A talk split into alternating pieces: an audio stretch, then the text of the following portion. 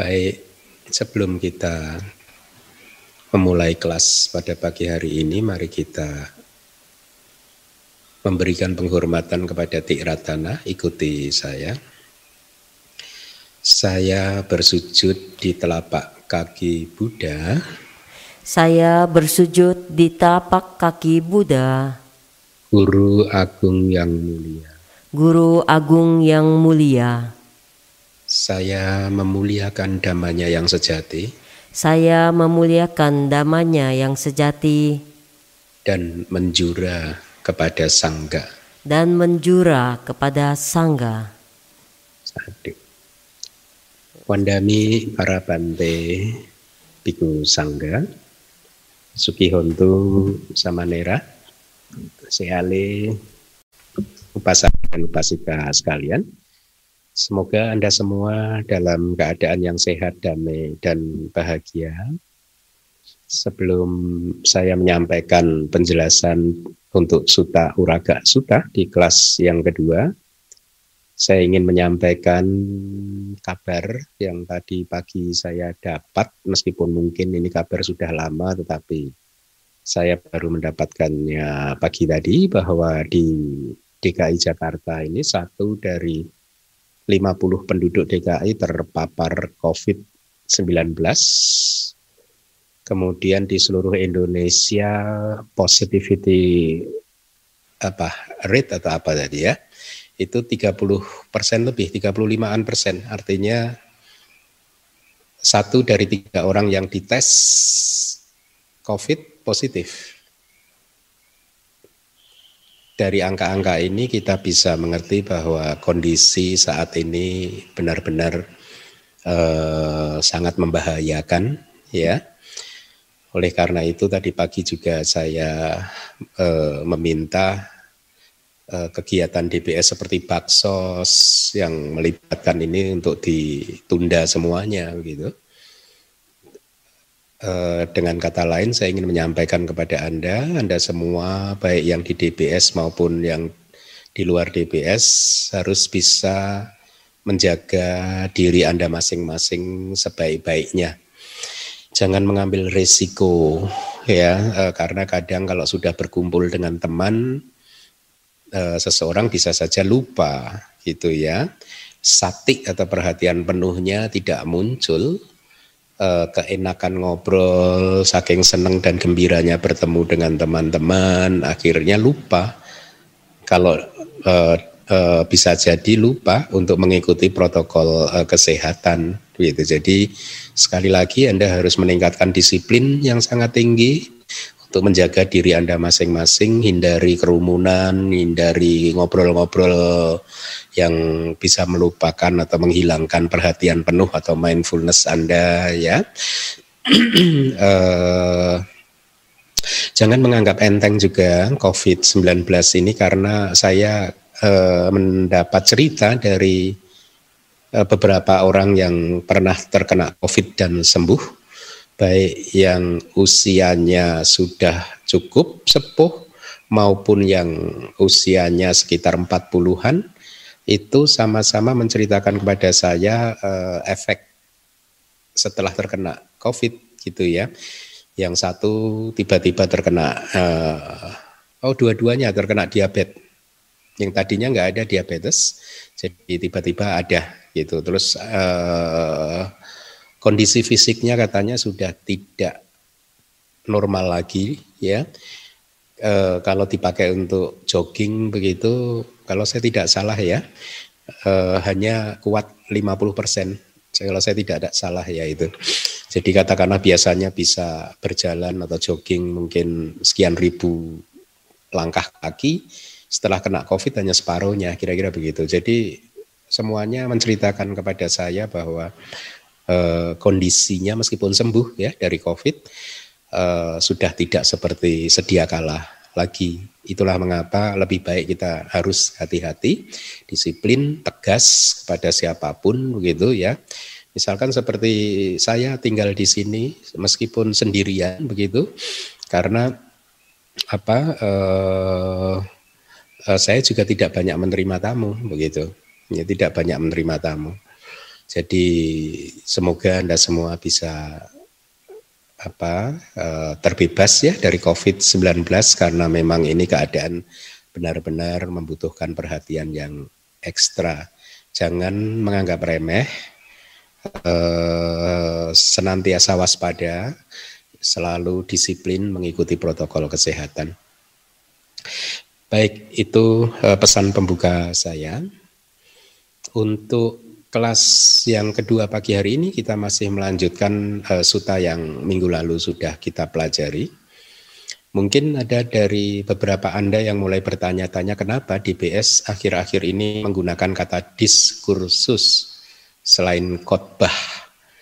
Kata diskursus ini saya pakai untuk menerjemahkan kata suta yang biasanya di Indonesia kita memakai eh, menerjemahkannya dengan khotbah ya. Eh, saya juga jadi kita ini eh, banyak mewarisi penerjemahan bahasa Pali yang salah dan kita warisi begitu saja tanpa menyelidikinya dan kita sebarkan. Bahkan termasuk saya di awal-awal juga memakai kata khotbah. Saya sebarkan juga kata khotbah tersebut.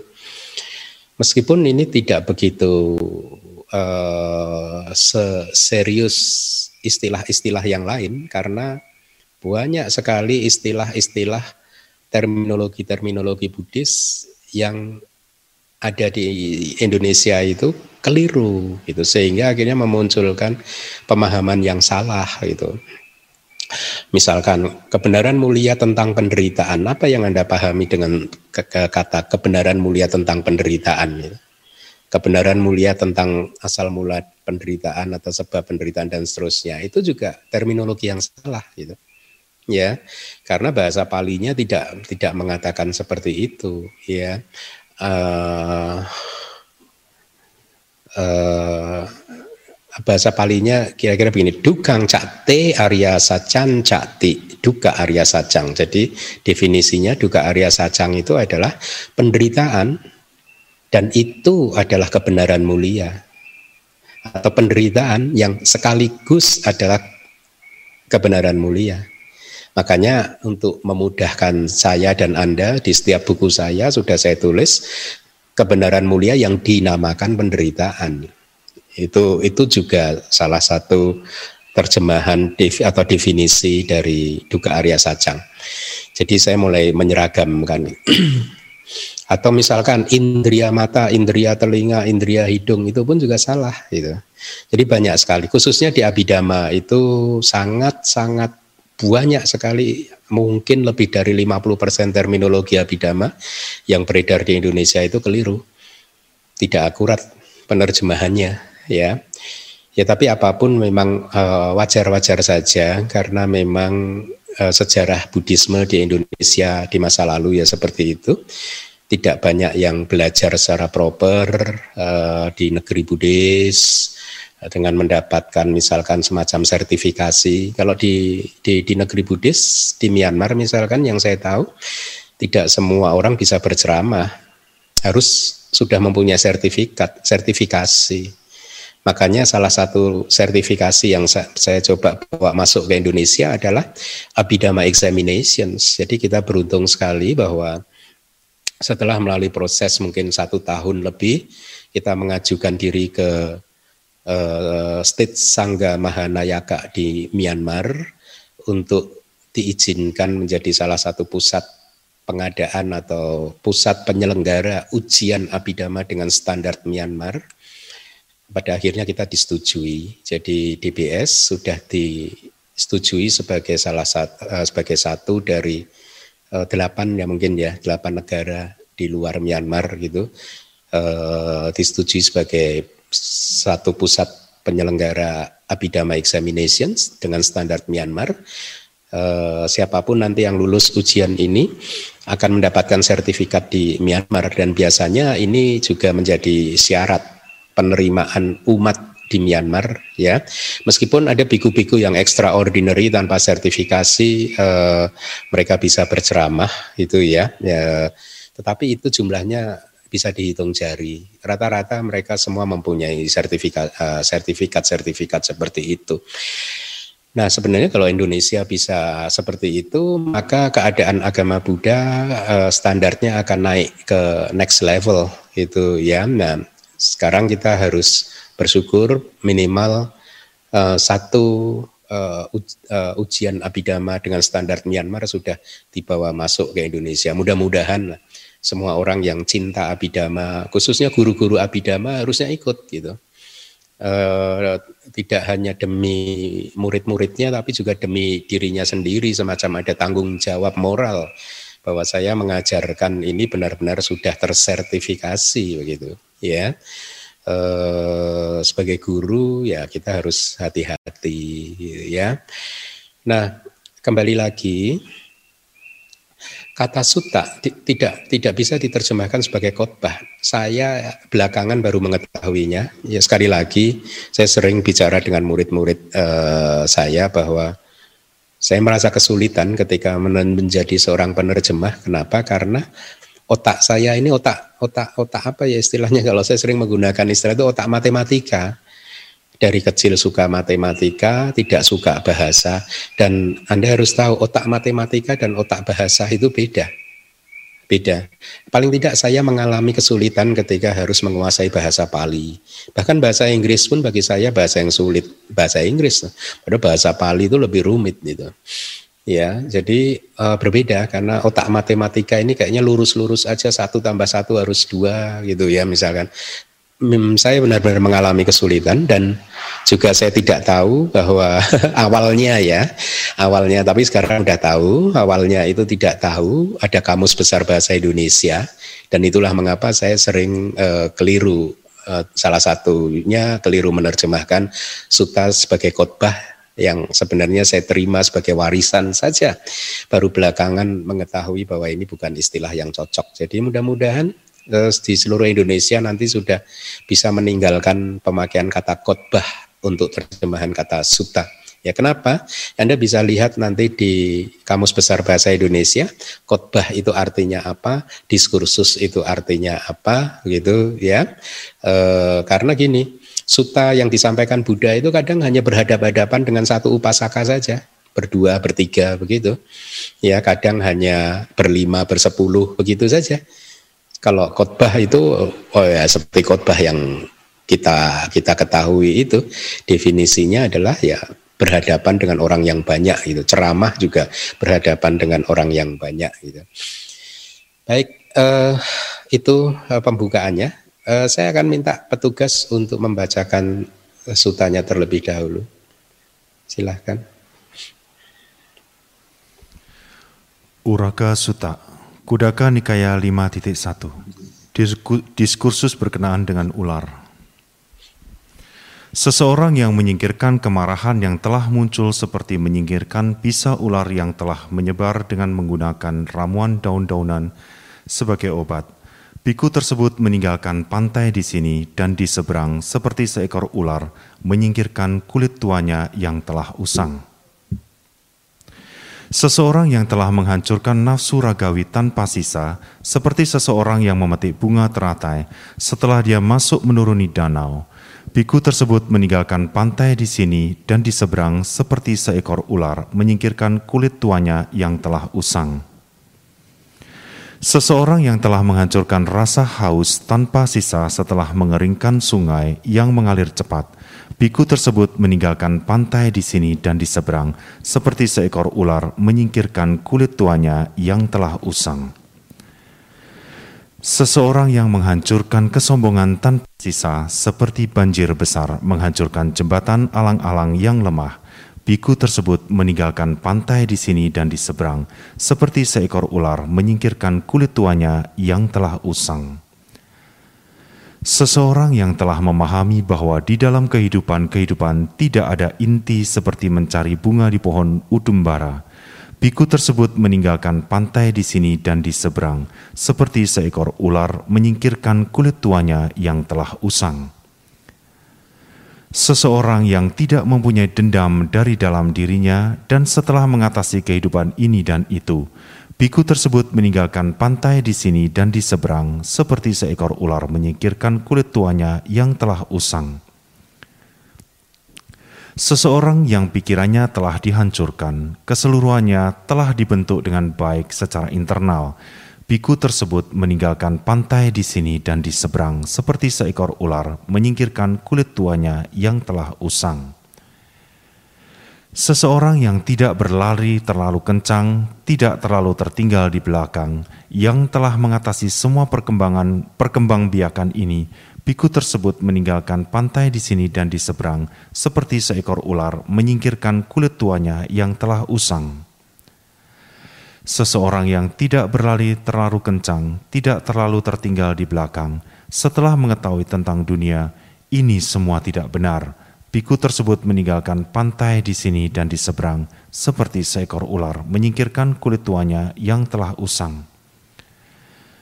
Seseorang yang tidak berlari terlalu kencang, tidak terlalu tertinggal di belakang, bebas dari keserakahan, setelah mengetahui tentang dunia, ini semua tidak benar. Biku tersebut meninggalkan pantai di sini dan di seberang, seperti seekor ular menyingkirkan kulit tuanya yang telah usang.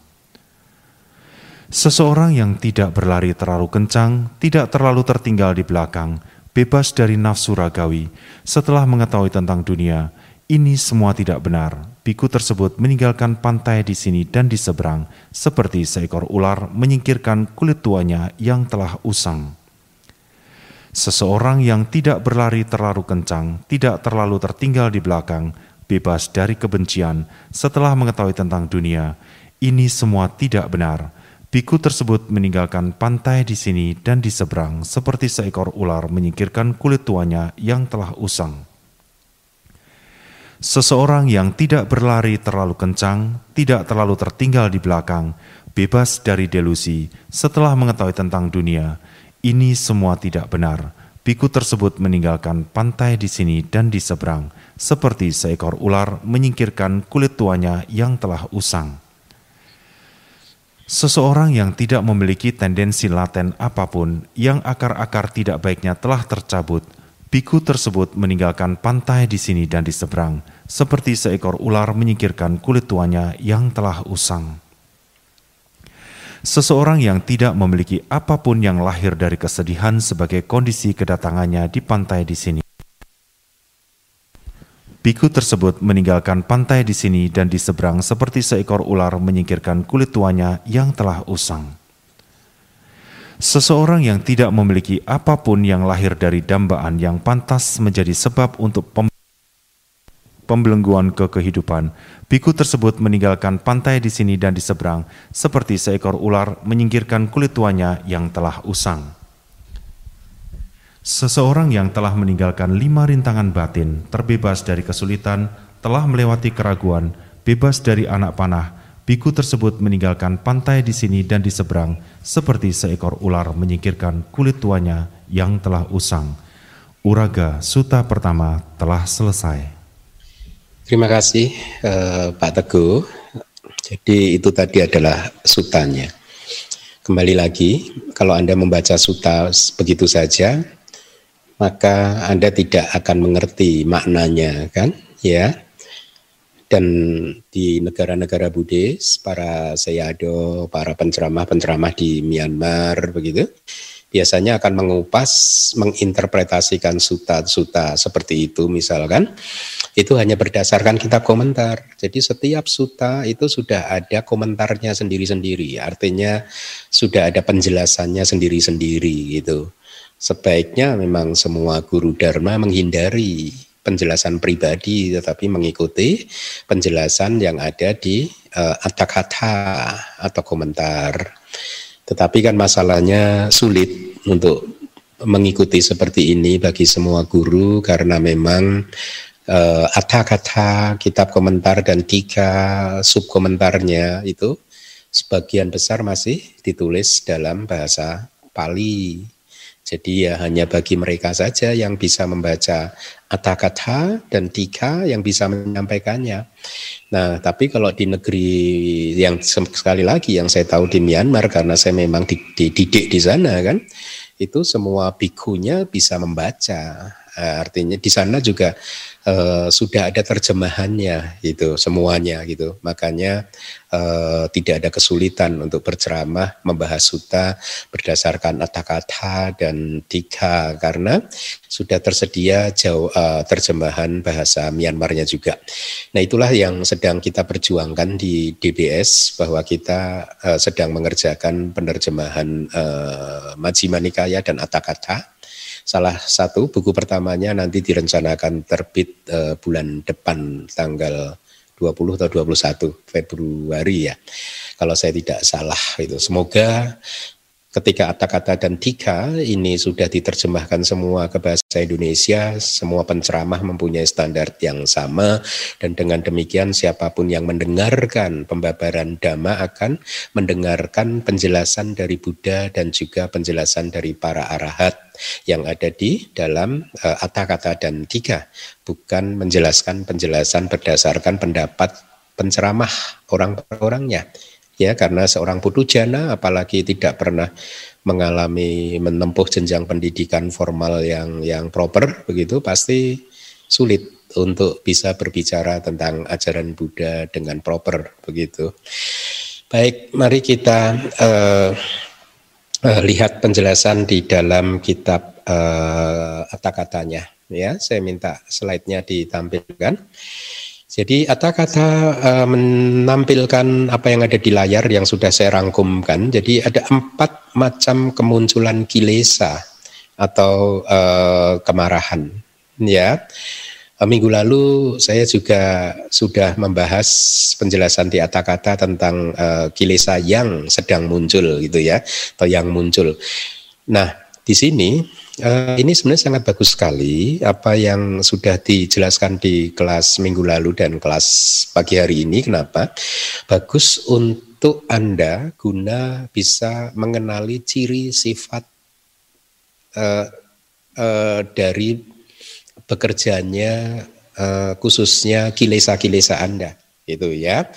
Nah, di layar saya tulis secara khusus kilesannya adalah kemarahan karena di stansa yang nomor satu itu masih berkaitan dengan kemarahan kan. Jadi kemunculan dari kilesa dalam hal ini kemarahan itu harus dibedakan kenapa ini bisa uh, apa? Uh, kenapa kemarahan itu bisa muncul, misalkan begitu ya, atau juga kemunculan kemarahan itu yang bagaimana sih sebenarnya, gitu kira-kira ya, itu ada empat ya. Kemarahan bisa dikatakan eh, sedang muncul, ya satu karena sedang berlangsung. Ya artinya eh, Anda masih marah-marah itu kemarahannya sedang berlangsung itu. Ya, yang kedua karena sebuah objek telah ditangkap. Nah, untuk menjelaskan seperti ini sekali lagi sih, eh, saya bukan apa-apa ya. Saya ini mengajarkan suta tapi juga mengajar abidama. Ya kalau saya mengatakan uh, penjelasan di dalam abidama itu lebih memuaskan daripada penjelasan di sutanta, itu sebenarnya bukan untuk merendahkan sutanta, tetapi untuk mendorong Anda semua untuk mulai mengeratkan, mengikat eratkan bonding Anda dengan abidama gitu. Mumpung Anda sekarang lahir sebagai manusia, sayang kalau disia-siakan uh, tidak mengikatkan hubungan gitu ya yang yang kuat apa itu namanya itu dengan dengan ajaran Buddha yang benar yang sesuai kitab. Sayang kehidupan Anda akan berlalu begitu saja tanpa ada uh, kemajuan tingkat kebijaksanaan parami dan lain sebagainya ya. Jadi berkaitan dengan karena sebuah objek yang telah ditangkap di dalam abidama itu menjelaskan dengan sangat detail sekali itu di Sutanta tidak begitu detail. Jadi intinya kita ini mempunyai enam pintu indriawi, yaitu panca indera kita, mata, telinga, hidung, lidah, dan tubuh, dan juga batin yang keenam. Ya, nah pintu-pintu ini adalah eh, adalah tempat kesadaran kita atau fenomena mental kita bertemu dengan objeknya, keluar untuk mengambil objeknya mata melihat objek yang dilihat, telinga mengambil objek suara yang didengar, hidung mengambil objek eh, apa eh, eh, ganda gitu, kemudian atau bau, eh, lidah mengambil objek rasa makanan dan lain sebagainya, tubuh mengambil objek objek-objek yang bisa disentuh, kemudian batin itu mengambil objek macam-macam. Ya, macam-macam. Dia bisa mengambil objek apa saja batin kita itu, begitu ya. Nah itulah yang dimaksud nanti akan saya jelaskan yang poin kedua. Semua poin akan dijelaskan uh, setelah ini. Itu yang dimaksud ketika sebuah objek telah ditangkap oleh fenomena mental kita, oleh batin kita. Ya. Yang ketiga adalah kemarahan atau kilesa apa pun kemunculannya itu dia bisa muncul karena memang belum ditekan belum ditekan, belum dikendalikan, belum dikekang, gitu maka dia bisa muncul. Yang keempat karena belum dicabut atau belum dihancurkan, gitu ya. nah, kilesa yang sedang berlangsung atau kemarahan yang sedang berlangsung itu mudah untuk dipahami, ya yang muncul dan yang sedang berlangsung tapi belum lenyap itu mudah dipahami karena Anda bisa merasakannya dengan mudah. nah, tetapi Anda juga harus hati-hati loh. Kilesa kita bukan hanya kemarahan loh, ada buahnya loh kilesa kita itu. Kalau di dalam suta sering disebut sebut dasa kilesa, 10 kilesa, eh, Abhidhamma juga mengatakannya 10 kilesa, tetapi sesungguhnya fenomena mental kita yang aku salah itu tidak 10, ada 14 gitu ya. Jadi tidak hanya kemarahan gitu, ada 14 Anda bisa membaca di buku manual Abhidhamma jilid kedua yang saya tulis gitu ya. Nah, setiap fenomena mental apa pun yang saya tulis gitu ya. Nah, setiap fenomena mental apa pun, baik kilesa maupun yang keadaan atau fenomena mental yang indah seperti kebijaksanaan, meta, karuna, mudita, upeka, sadha, keyakinan, kemudian sakti, perhatian penuh dan lain sebagainya, yang indah-indah, yang kusala, yang baik itu ya, istilahnya sebenarnya yang indah begitu dia itu adalah fenomena yang mempunyai tiga momen eksistensi. Ya ini harus Anda pahami apa pun itu. Sesungguhnya tubuh jasmani kita juga tiga momen eksistensi ini. Bahasa palinya adalah upada titik bangga. Upada itu kemunculan, kebangkitan. Titik itu kelangsungan, stabilitas. Jadi eh, bangga itu kayak ya kehancuran bisa, peruraian bisa begitu. Jadi intinya semua fenomena mental maupun fenomena tubuh jasmani kita itu melewati tiga fase itu muncul, bertahan, lenyap muncul, bertahan, lenyap. Durasinya dari muncul sampai ke kelenyapannya itu hanya satu per satu triliun detik. Itu semua fenomena itu seperti itu ya. Nah itu yang pertama tadi eh, karena apa? Eh, yang disebutkan yang pertama tadi adalah karena sedang berlangsung kan, ya. Kalau karena sebuah objek eh, telah ditangkap itu penjelasannya begini. Eh, kemunculan karena objek telah ditangkap itu mengacu mengacu pada kejadian ketika objek apa pun, artinya objek apa pun itu berarti objek mata, objek telinga, objek hidung, sebenarnya objek kesadaran mata, karena mata tidak bisa melihat. Mata itu fenomena materi. Telinga tidak bisa mendengar, karena telinga itu fenomena materi. Ya, yang bisa mendengar adalah fenomena mental, kesadaran mata yang munculnya melalui bola mata, di titik bola mata itu. Atau kesadaran telinga, fenomena mental yang disebut kesadaran telinga yang munculnya membutuhkan bantuan telinga, begitu ya, dan seterusnya. Jadi mengacu pada kejadian ketika objek-objek mata, telinga, hidung, lidah, tubuh dan juga batin apa pun itu juga telah tiba dalam jangkauan indria-indria kita. Nah, ini bahasa abidama meskipun ini ada di kitab komentarnya Suta gitu ya. Maksudnya begini, harus telah tiba di dalam jangkauan indera-indera kita. Artinya begini. Katakanlah Anda melihat objek mata, maka apa yang Anda lihat itu, Anda bisa melihat objek tersebut. Itu karena objek tersebut telah berada di dalam jangkauan indera mata Anda. Ya. Karena kalau objek tersebut bergeser, bergerak ke belakang Anda, tiba-tiba Anda tidak bisa melihat objek tersebut. Katakanlah Anda sedang melihat anak Anda ada di depan Anda. Oh, itu anak Anda gitu. Tiba-tiba anak Anda yang sama itu tadi berlari ke belakang, Anda nggak bisa melihatnya. Kenapa? Karena anak Anda tidak berada di dalam jangkauan indera mata Anda. The same is true untuk telinga, lidah, uh, hidung, lidah, tubuh dan juga batin. Jadi objek itu baru bisa ditangkap kalau sudah masuk dalam jangkauan indera-indera kita. Nah, itulah uh, yang harus Anda pahami. Saya harap Anda juga masih ingat perumpamaan korek api yang pernah saya berikan di kelas-kelas terdahulu. Ya, kira-kira kemunculan dari kesadaran untuk menangkap objeknya itu seperti korek api itu. Ah, kira-kira seperti itu. Nah, sebenarnya sekarang Anda harus pahami begini.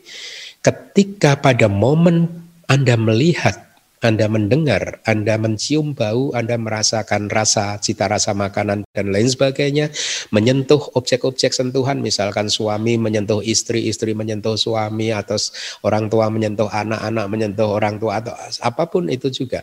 Pada momen pertama tidak ada kilesa muncul ya kilesa muncul beberapa momen berikutnya ya yaitu ketika e, kalau di dalam ini ada di proses kognitif yang disebut jawana itu istilah teknisnya. Jawana itu bahasanya impuls. Saya terjemahkan sebagai impuls. Di momen impuls inilah anda mulai bereaksi objek ini bagus atau objek ini tidak bagus. Di momen inilah kilesa bisa muncul. Tapi poinnya adalah sesungguhnya siapa pun ketika sedang melihat mendengar di momen persis ketika sedang melihat dan mendengar tidak ada kilesa yang muncul. Kilesa muncul belakangan di momen impuls itu tadi belakangan ya. Kalau kita tidak menerapkan yoniso manasikara, perhatian yang bijaksana. Tetapi kalau kita menerapkan yuniso manasikara, perhatian yang bijaksana terhadap apa yang kita lihat, apa yang kita dengar dan lain sebagainya, maka kilesa tidak muncul. Ya, nah, jadi hati-hati ketika menangkap objek di enam indria, ya karena mungkin ketika sedang menangkap objek tersebut pernah sering kan eh, di dalam hal apa pun kita harus menerapkan yuniso manasikara karena objek-objek apa pun yang kita tangkap ya jangan dianggap enteng mungkin pada saat itu memunculkan meta kita ya. Tetapi kalau kita tidak disiplin menerapkan yoniso manasikara, tidak disiplin memfungsikan sati atau perhatian penuh kita, maka bisa jadi kilesa muncul di belakang hari gitu ya. Jadi ketika sedang menangkap objek bisa jadi tidak ada kilesa pada saat itu, tetapi sifat dari hukum pikiran adalah objek yang pernah kita tangkap akan bisa muncul lagi masuk dalam jangkauan hati kita, jangkauan pikiran kita gitu ya. Itu hukumnya seperti itu. Apa yang Anda lihat kemarin bisa masuk dalam angan-angan Anda hari ini. Betul tidak? Apa yang Anda lihat pagi hari ini bisa nanti tiba-tiba masuk dalam pikiran Anda nanti malam ketika mau tidur. Ya. Bisa muncul dalam bentuk obsesi dan lain sebagainya ya. Nah, kata-kata memberikan contoh kemunculan kilesa yang seperti itu berkaitan dengan seorang tera, seorang biku yang bernama Mahatisa atau uh, dalam bukunya ditulis Mahatisa Tera itu ya.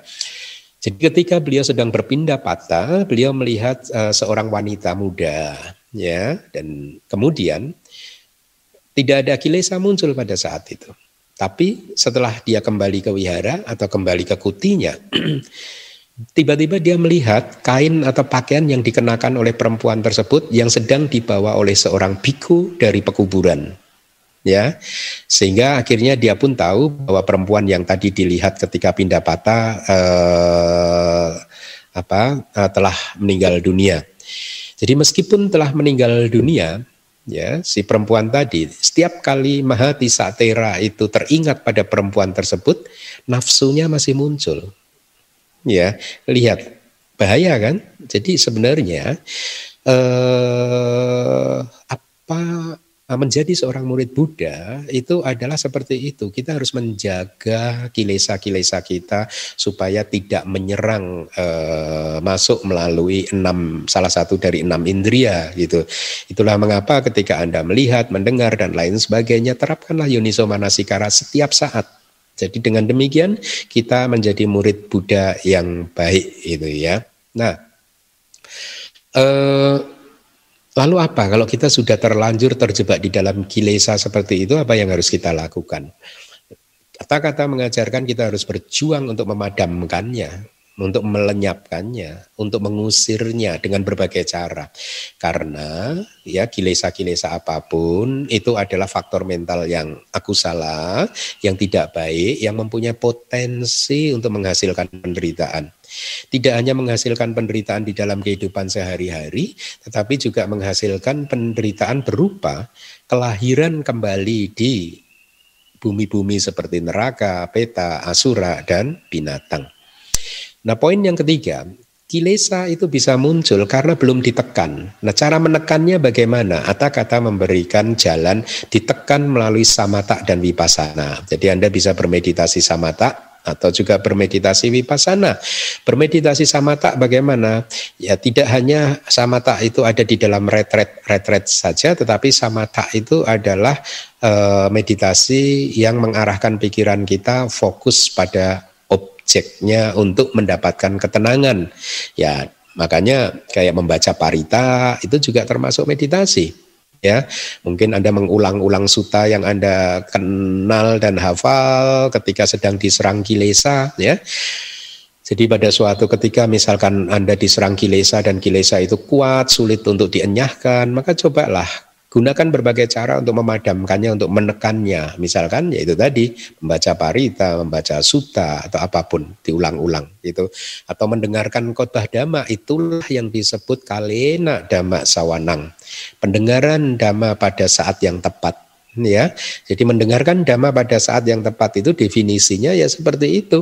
Saat yang tepat itu artinya saat Anda sedang dikuasai oleh kilesa bukan saat yang Anda sedang penuh meta karuna mudita dan UPK. Kalau Anda sedang meditasi dan sedang bagus, kemudian di di wihara ada ada dhamma desana, ya Anda tidak perlu mendengarkannya. Karena saat itu Anda sedang bermeditasi dan tidak ada kilesa juga yang sedang uh, muncul. Nah itu sama tak. Wipasana juga bisa dipraktekkan di dalam kehidupan sehari-hari. Kalau Anda sudah mulai pernah berlatih wipasana dalam kehidupan sehari-hari, itu caranya sebenarnya hanyalah untuk mengetahui saja bahwa oh saat ini melihat sesuatu atau saat ini mendengar sedang mendengar sesuatu atau sedang mencium ganda atau bau tertentu dan seterusnya dan seterusnya dilihat diperhatikan dengan baik-baik. Kalau Anda benar-benar memperhatikan fenomena-fenomena melihat, mendengar dan lain sebagainya, maka kilesa itu tidak akan punya kesempatan untuk masuk ke rangkaian arus kesadaran anda. Jadi di sini walaupun kilesa itu tidak muncul, tapi tetap saja sewaktu-waktu poinnya adalah sewaktu-waktu kilesa itu bisa muncul. Karena apa? Karena ada sebab untuk kemunculannya, yaitu apa? Belum ditekan. Ya, ditekannya dengan apa? Dengan wipasana dan samata. Ya, di dua meditasi inilah kilesa itu benar-benar bisa berhasil ditekan. Yang keempat adalah uh, kilesa bisa muncul karena belum dicabut. Jadi walaupun telah ditekan dengan samata dan wipasana, tapi selama kita belum mencapai maga cita, jalan maga, ya, maka uh, kilesa itu masih bisa muncul lagi. Setelah ditekan dia akan bisa muncul lagi. Itu ya. Uh, di kemudian hari dia bisa muncul lagi. Hanya ketika Anda berjuang melalui meditasi wipasana yang proper, retret gitu dan kemudian Anda uh, memunculkan maga cita atau kesadaran jalan keistimewaan dari maga cita adalah mempunyai kemampuan untuk mencabut kilesa, untuk menghancurkan kilesa. Ya sehingga setelah dicabut oleh maga itu dia tidak akan bisa muncul lagi. Setelah dihancurkan oleh maga, kilesa tidak bisa muncul lagi. Nah, kitab komentar memberikan contoh yang baik. E, sebenarnya ini banyak nih contoh-contoh seperti yang akan saya sampaikan ini gitu, yang pernah saya baca. Jadi seorang tera atau seorang biku yang e, e, tera gitu ya, yang menguasai delapan jana semua jana dia kuasai dan dia juga menguasai abinya. Abinya itu kayak kekuatan supranatural gitu ya. Atau bahasa sehari-harinya kesaktian gitu. Sebenarnya itu artinya adalah pengetahuan yang lebih tinggi. Dia tahu caranya terbang, dia tahu caranya membaca pikiran, dia tahu caranya apa e, mendengarkan suara-suara yang jauh, baik suara manusia maupun suara non manusia. Sebenarnya maknanya seperti itu, tetapi orang awam mengartikannya sebagai kesaktian gitu ya. Nah, jadi Tera yang menguasai delapan jana dan abinya tadi pada suatu hari dia terbang ke angkasa. Jadi dia tahu caranya terbang gitu ya. Ketika itu dia mendengar suara seorang gadis sedang bersenandung sambil memetik bunga. Kilesannya langsung muncul ya. Itulah mengapa Buddha mengajarkan meditasi kita itu tidak hanya berhenti di uh, jana saja, tetapi kita harus berwipasana, mengembangkan jalan mulia berunsur delapan supaya kilesa tidak akan pernah e, bisa muncul lagi. Jadi ingat ya, bahkan mereka yang menguasai jana dan abinya itu selama belum mempunyai belum memunculkan maga, maka mereka itu sama dengan Anda yang putu jana, siapa pun yang putu jana. Mereka putu jana juga ya hanya mereka menguasai jana dan abinya tetapi sesungguhnya mereka juga belum menghancurkan kilesa sama sekali. Selama belum mencapai maga ya. Nah apa pun itu sekarang Anda bisa memahami bahwa selama intinya adalah selama ada lima agregat atau pancakanda maka kilesa apa pun bisa muncul dengan cara-cara yang sudah saya sampaikan tadi jadi semoga dari informasi-informasi yang diberikan oleh para guru kata-kata yang secara tradisi dianggap sebagai para arahat, kebijaksanaan Anda meningkat dengan baik ya. Nah, mari uh, tolong ditampilkan slide berikutnya.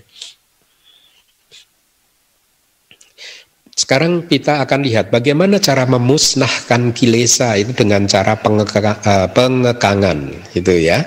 Yang pertama adalah pengekangan dengan menggunakan sila.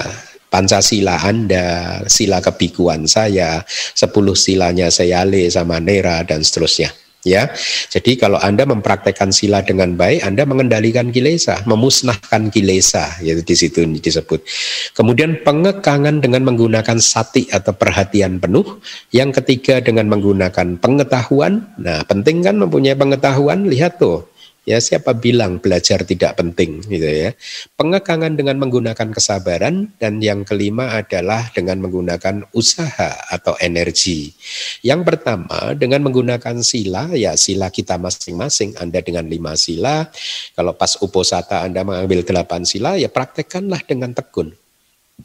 Ya, setiap harinya lima sila Anda praktekkan Ya, untuk alasan apa pun Anda tidak boleh membunuh makhluk hidup, mengambil sesuatu yang bukan miliknya, yang atau mencuri di sini, kemudian tidak melanggar tiga sila yang lain gitu. Dengan cara seperti itu Anda memusnahkan kilesa. Artinya memusnahkan di sini itu sebenarnya untuk sementara waktu saja, ya. Untuk sementara waktu saja di Anda berhasil mengendalikan kilesa melalui jalan pengekangan dengan menggunakan sila-sila Anda.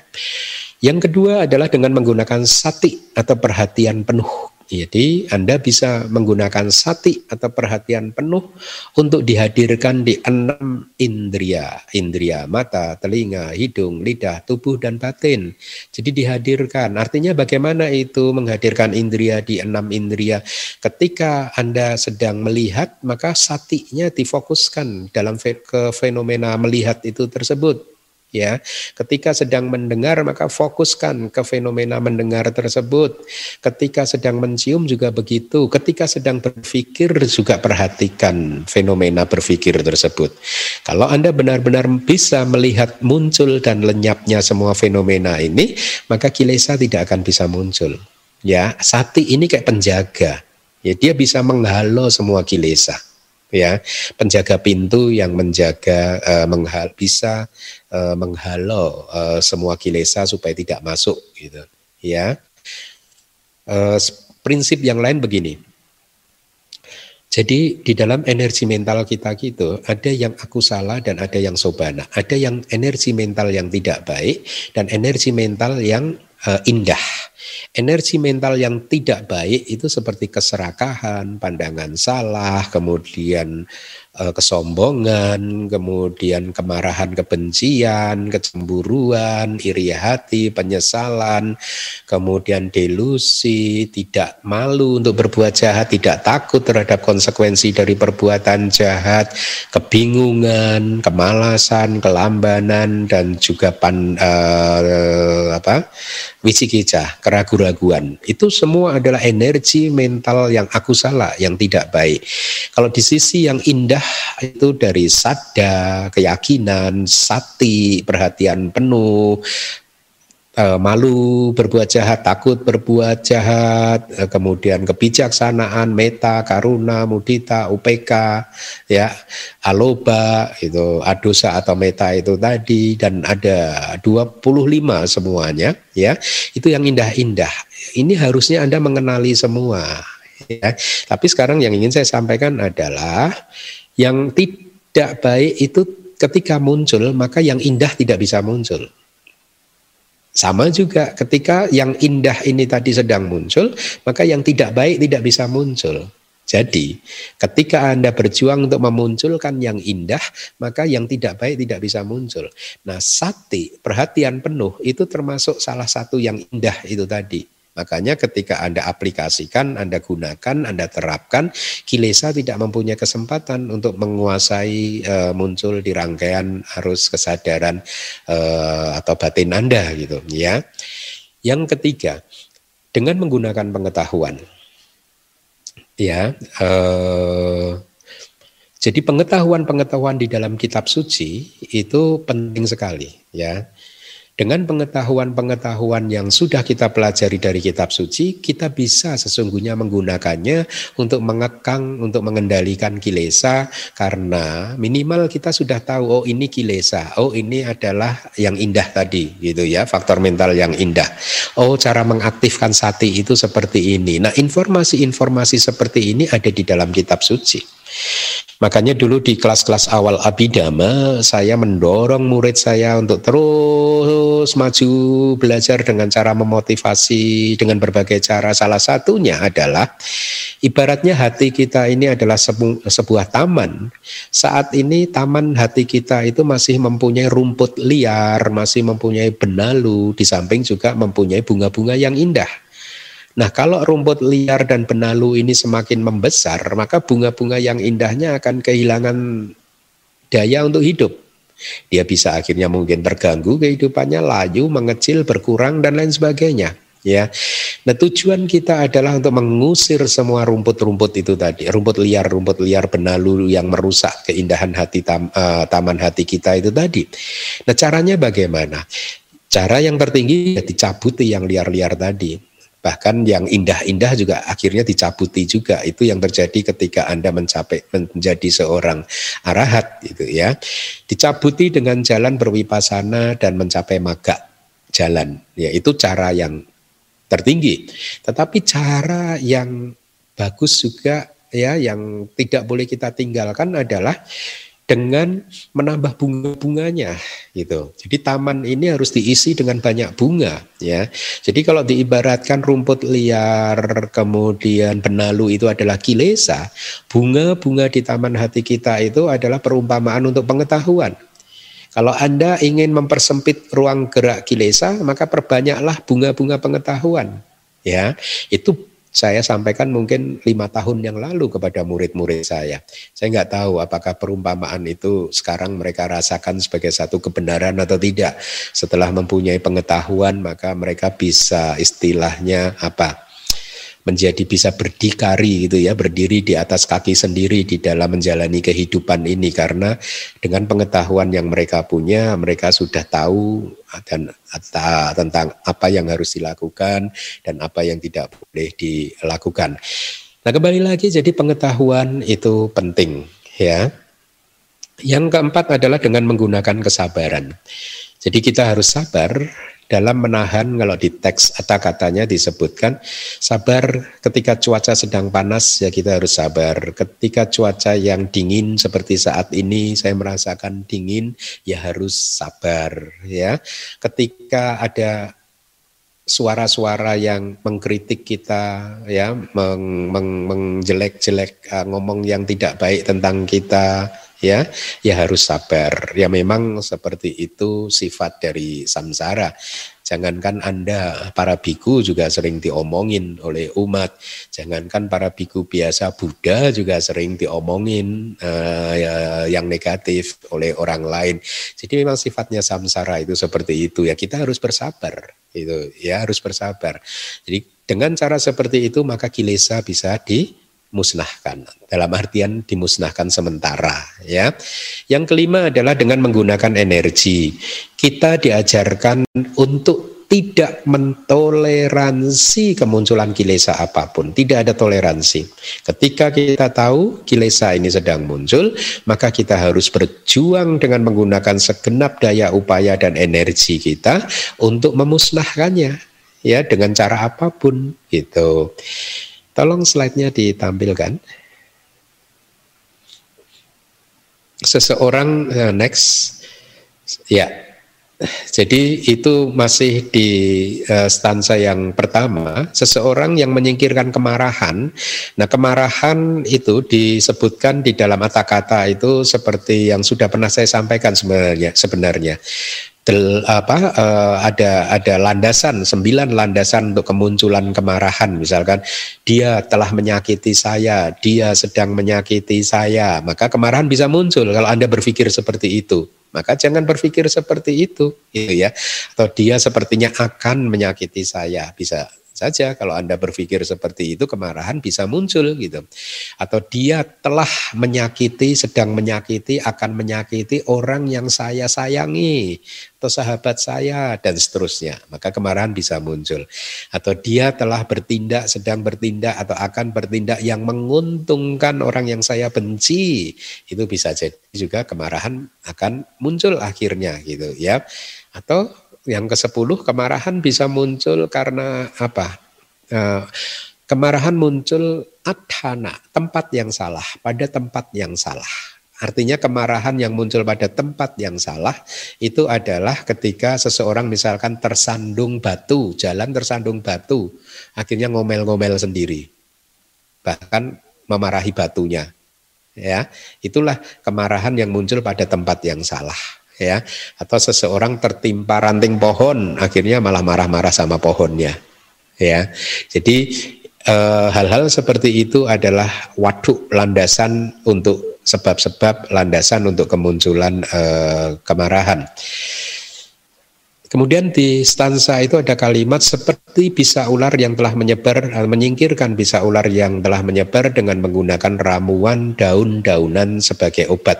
Jadi diberi penjelasan seperti halnya seseorang yang kena racun ular berbisa, maka dokter akan segera menolongnya dengan meracik ramuan obat-obatan supaya dia bisa terbebas dari bisa ularnya itu.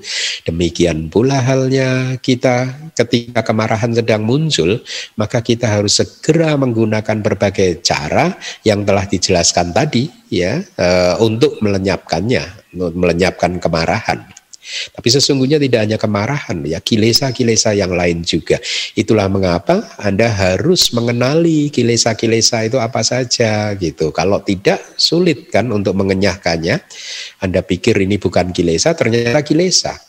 Anda pikir ini kilesa dan Anda enyahkan ternyata bukan kilesa. Sayang kan? Ya. Jadi kemarahan ini diibaratkan seperti bisa uh, ular yang beracun yang bisa menyebar ke seluruh pembuluh darah. Kalau kita tidak segera melenyapkannya, kemarahan itu tadi, maka kemarahan bisa akan menjadi membesar, ya, seperti bisa yang semakin mengalir ke seluruh tubuh.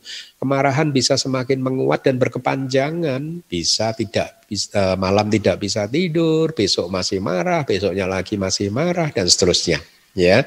Kenapa? Karena kalau Anda tidak segera memadamkan kemarahan, persepsi-persepsi Anda itu tricky, pinter sekali untuk mencari eh, cerita-cerita guna mendukung, menjustify kemarahan Anda, persepsi. Ya, jadi jangan percaya sesungguhnya dengan persepsi-persepsi kita, gitu ya.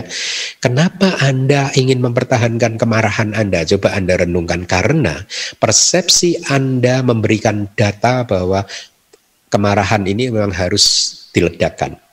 Ya, kemarahan ini adalah justified. Persepsi Anda, ya. Di persepsi Anda akan memberikan alasan-alasan berbagai cara bahwa memang benar Anda harus marah jadi jangan percaya juga dengan persepsi-persepsi Anda gitu ya. Uh, apa?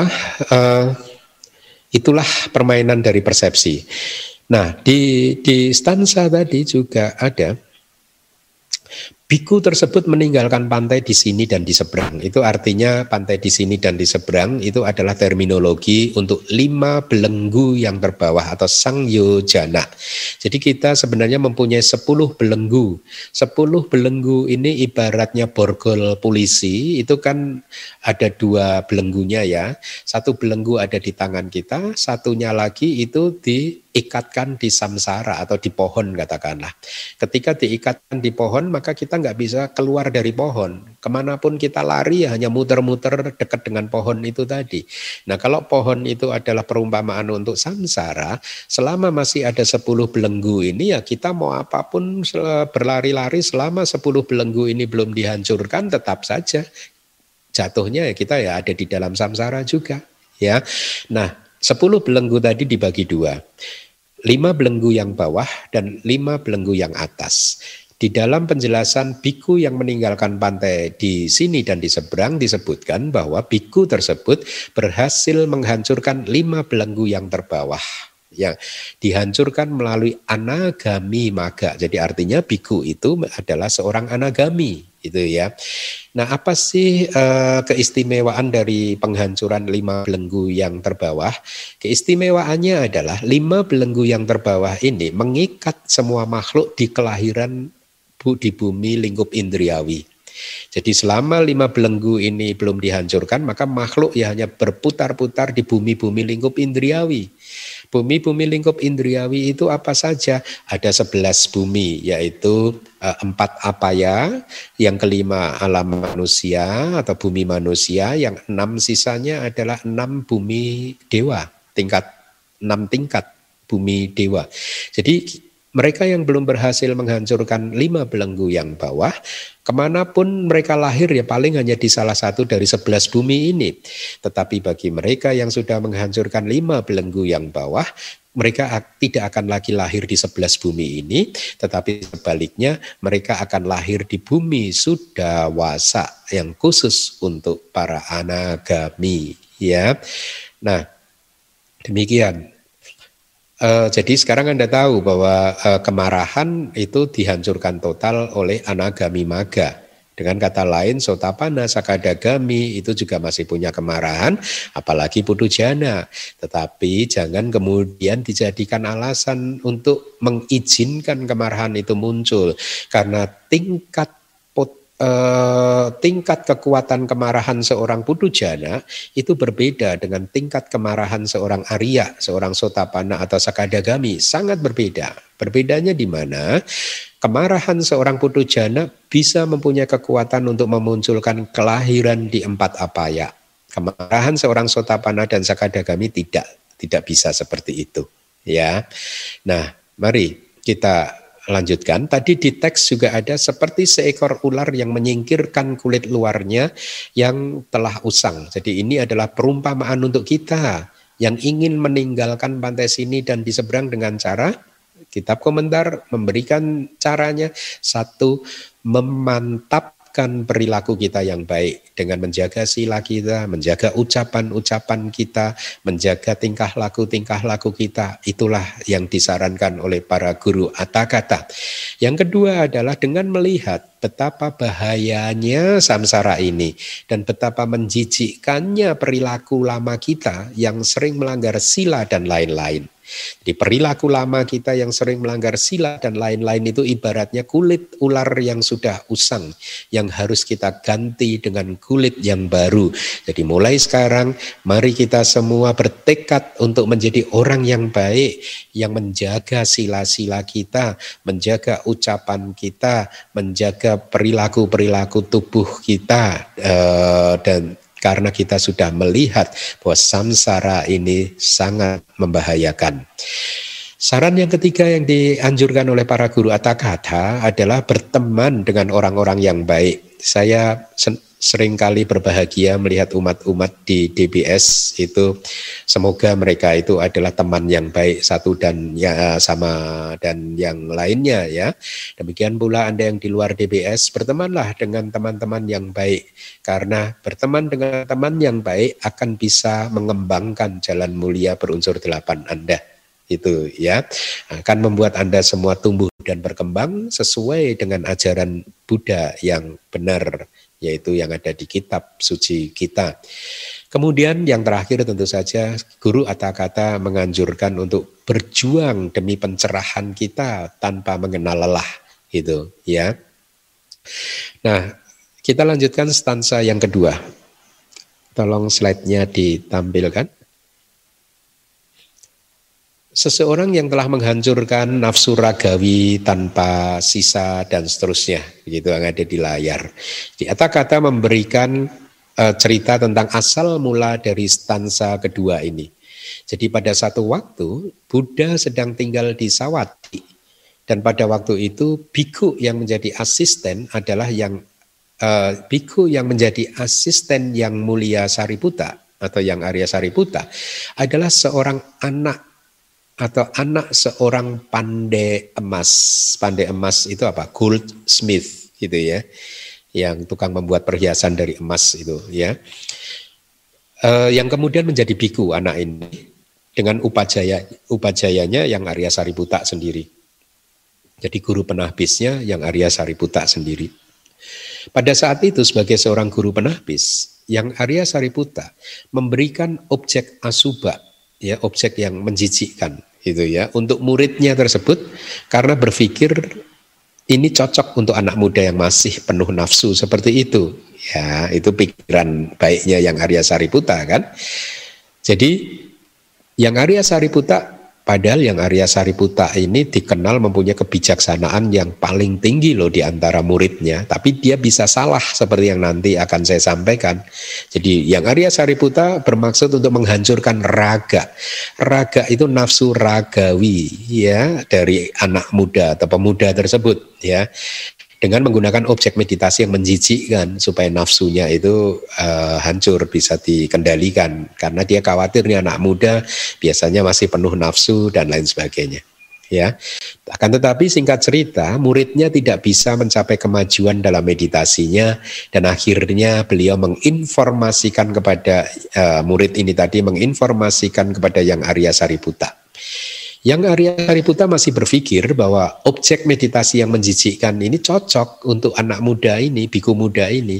Dan beliau sekali lagi menjelaskan ke muridnya tentang objek meditasi itu. Dan sekali lagi muridnya berlatih lagi.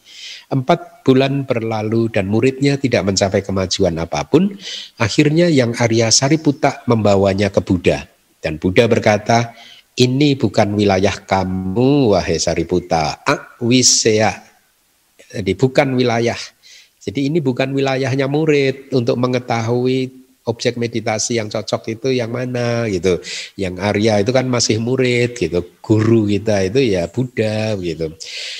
Jadi ini bukan wilayah kamu wahai Sariputa untuk mengetahui objek meditasi yang cocok buat dia. Dia adalah orang yang harus dibimbing oleh seorang Buddha. Ya enak ya kalau kita bertemu Buddha ya. Jadi singkat cerita akhirnya Buddha menciptakan bunga teratai yang berkilau di tangannya dengan menggunakan kesaktian Buddha kemudian berkata, Kemarilah wahai biku, letakkan bunga ini di tempat yang berpasir, di tempat yang teduh di wihara ini, lalu duduklah bersila dengan memandangnya dan mengarahkan perhatian kepada bunga ini dengan berkata lohita, lohita, lohita, merah, merah, merah. Arti lohita itu merah. Jadi ini anak muda, uh, biku muda tadi sedang diberi objek kasina merah oleh Buddha, gitu ya. Uh, kasina, terate merah ya, terate merah ini memang kasina merah yaitu paduma ya. Jadi Buddha memberikan subjek meditasi kasina merah itu tadi diceritakan bahwa jadi selama 500 kehidupan lampaunya biku muda ini selalu menjadi seorang pandai besi, eh pandai emas sorry, uh, goldsmith gitu ya. Bayangkan tuh 500 kehidupan lampau loh ya, dia selalu jadi pandai emas.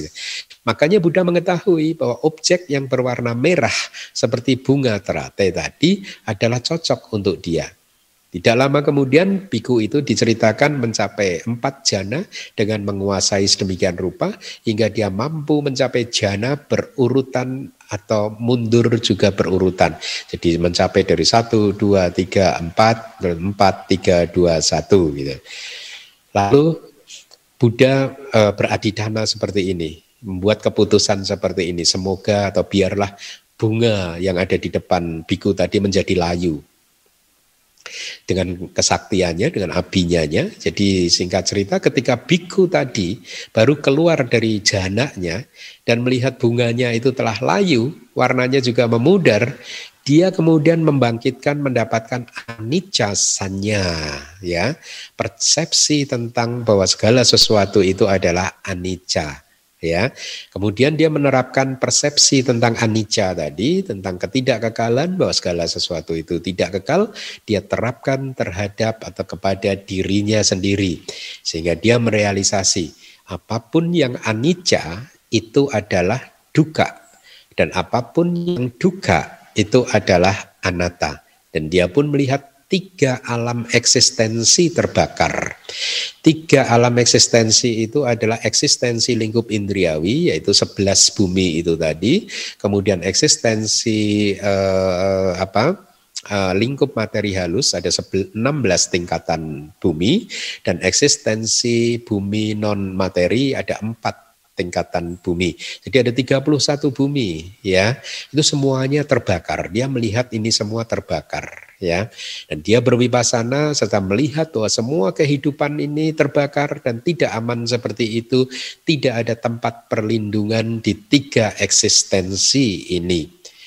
Kemudian Buddha yang sedang duduk di ganda kuti atau kutinya yang harum menciptakan bayangan dirinya sendiri dan mengarahkannya ke depan wajah biku tadi.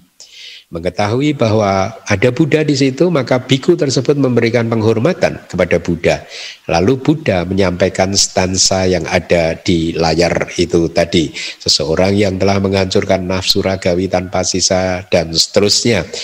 Nah penjelasannya nafsu ragawi itu adalah nafsu terhadap lima objek panca indera. Jadi ini definisinya. Nafsu ragawi adalah nafsu terhadap lima objek panca indera. Tanpa sisa artinya nafsu tadi, raga tadi, nafsu ragawi tadi dihancurkan bersama dengan anusaya kilesanya sekalian. Ya, jadi yang dimaksudkan tanpa sisa yaitu kilesa yang anusaya yang sedang tertidur yang hanya berupa kecenderungan saja itu pun hancur sehingga tidak akan pernah bisa muncul lagi kecenderungannya tidak bisa muncul lagi akhirnya beliau terbebas dari nafsu e, ragawi itu tadi. Nah, ketika biku melihat tiga eksistensi terbakar, maka dia merealisasi bahwa tidak ada api yang sepanas raga atau nafsu ragawi raga itu bahasa Pali ya. Jadi selama ini dia terbakar oleh api raga atau nafsu ragawi. Batinnya terbakar oleh nafsu. Siapa pun yang terbakar oleh raga jatuh dalam arus seperti seekor laba-laba terperangkap di dalam jaring-jaringnya sendiri. Akhirnya biku muda tersebut berhasil menghancurkan raga atau nafsu ragawi setahap demi setahap hingga akhirnya dia mencapai tingkat kesucian arahanta gitu ya. Nah, eh, itu adalah uh, stansa kedua. Mungkin next slide kita masih punya sedikit waktu lagi. Stansa ketiga.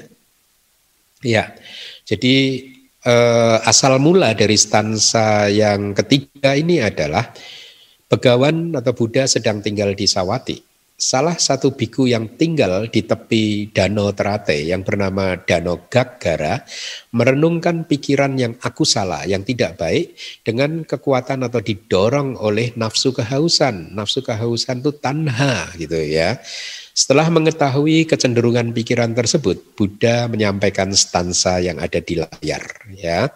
Rasa haus atau kehausan atau tanha itu adalah faktor mental yang tidak pernah menemukan kepuasan di dalam objeknya.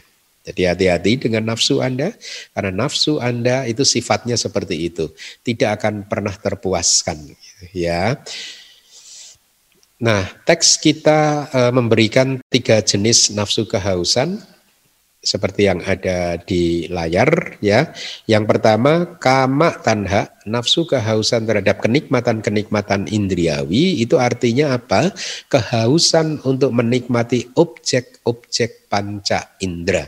Ingin melihat objek mata yang menarik, menawan hati dan lain sebagainya. Ingin mendengar suara yang menarik, menawan hati dan lain sebagainya ya. Sedangkan bawa tanha itu adalah pengharapan untuk hidup keinginan untuk hidup. Wibawa tanha itu adalah pengharapan untuk tidak hidup kebalikannya, keinginan untuk tidak hidup gitu. Itulah mengapa gitu ya saya sering kalau di dulu sering dipanggil atau diminta umat untuk datang ke rumah sakit gitu ya. Saya sering menasehati kepada orang yang sakit keras seperti ini kira-kira. Anda saat ini sedang uh, sakit ya tapi separah apa pun penyakit yang Anda derita kalau Anda ingin sembuh maka Anda salah. Tetapi kalau Anda tidak ingin sembuh Anda juga salah. Anda ingin panjang umur Anda salah.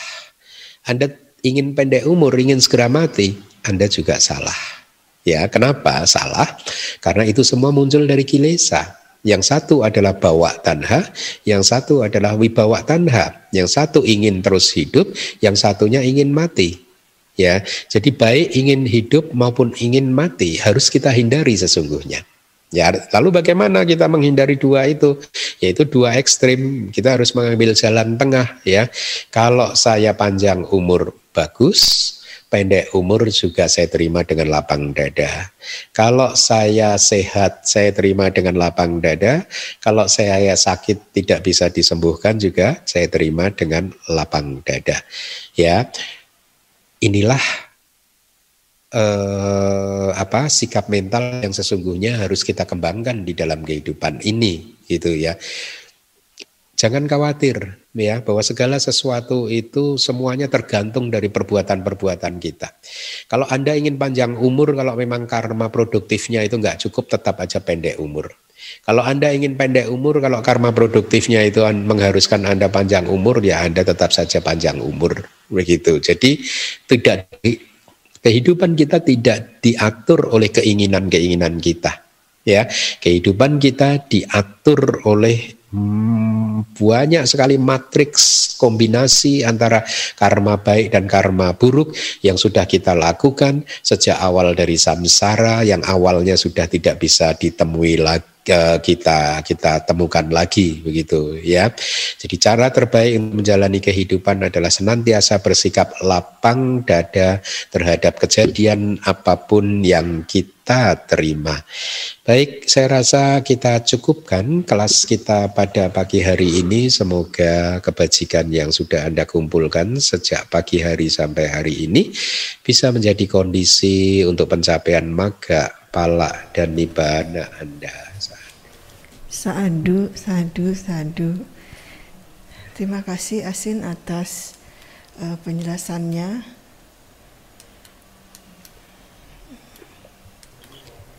Uh, semoga kami semua mendapatkan manfaat tertinggi dari pendengaran dhamma ini. Bagi kalian namita yang membutuhkan slide kelas Pariyati Sasana ini, dapat mengunduhnya di website DBS di www.damawihari.or.id.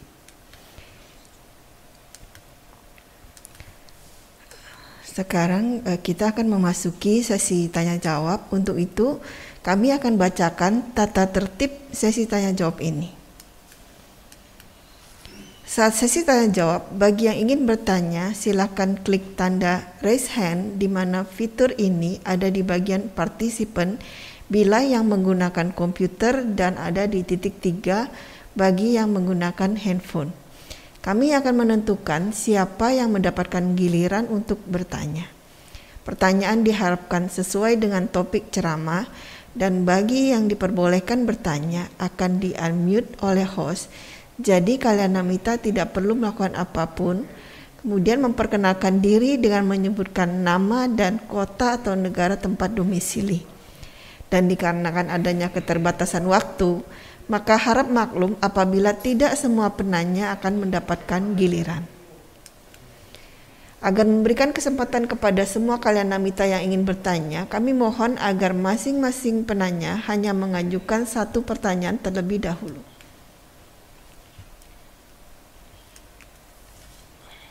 Oke, uh, kesempatan pertama kami berikan kepada Bapak Joni. Kepada Bapak Joni, kami persilakan.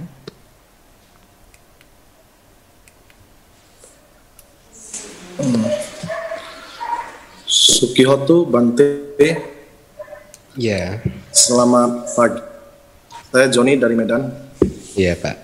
Uh, yang saya mau tanya adalah tadi kan Bante ada bilang bahwa hmm, penterjemahan mengenai empat kebenaran mulia tentang duka itu eh, masih salah, maksudnya mungkin yang kita baca kebanyakan mungkin salah gitu. Saya kepingin tahu eh, eh, yang benarnya gimana Bante ya? Karena yang saya tahu kan itu eh, satu eh, kebenaran mulia tentang adanya duka gitu ya. Terus kedua kebenaran tentang uh, penyebab munculnya duka, terus uh, kebenaran tentang padamnya duka ya berakhirnya duka dan uh, jalan menuju uh, berakhirnya duka gitu. Jadi kan uh, selama ini yang kita belajar ya itu gitu loh. Jadi hmm. maksudnya saya mau yang mana tahu yang benarnya gimana kalau translate-nya salah kan bisa jadi kesalahannya hmm. fundamental gitu loh. Bisa yeah. jadi pandang salah. Jadi yeah. itu yang mau saya bantu. Mudah-mudahan. Yeah. Baik. Uh, apa yang Pak Joni pahami dari kalimat kebenaran mulia tentang duka? Yang saya pahami uh, duka itu ada gitu loh. Artinya uh, seperti sehari-hari kita kan bahwa uh, yang kita alami itu sebenarnya semua duka, baik yang yang senang saja pun duka karena kalau yang senang kita hadapi kan kita bawaannya ingin terus merasakan gitu.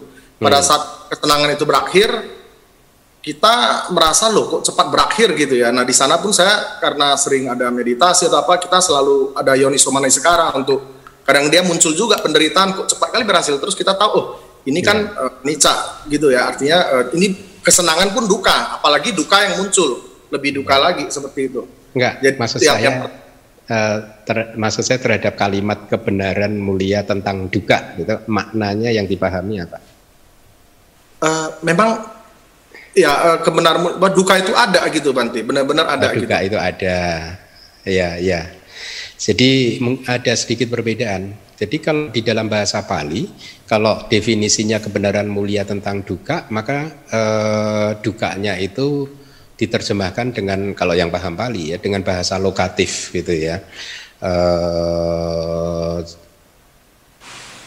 kalau definisi yang diberikan di dalam kitab komentar uh, tidak seperti itu. Jadi ada tiga atau empat definisi ya.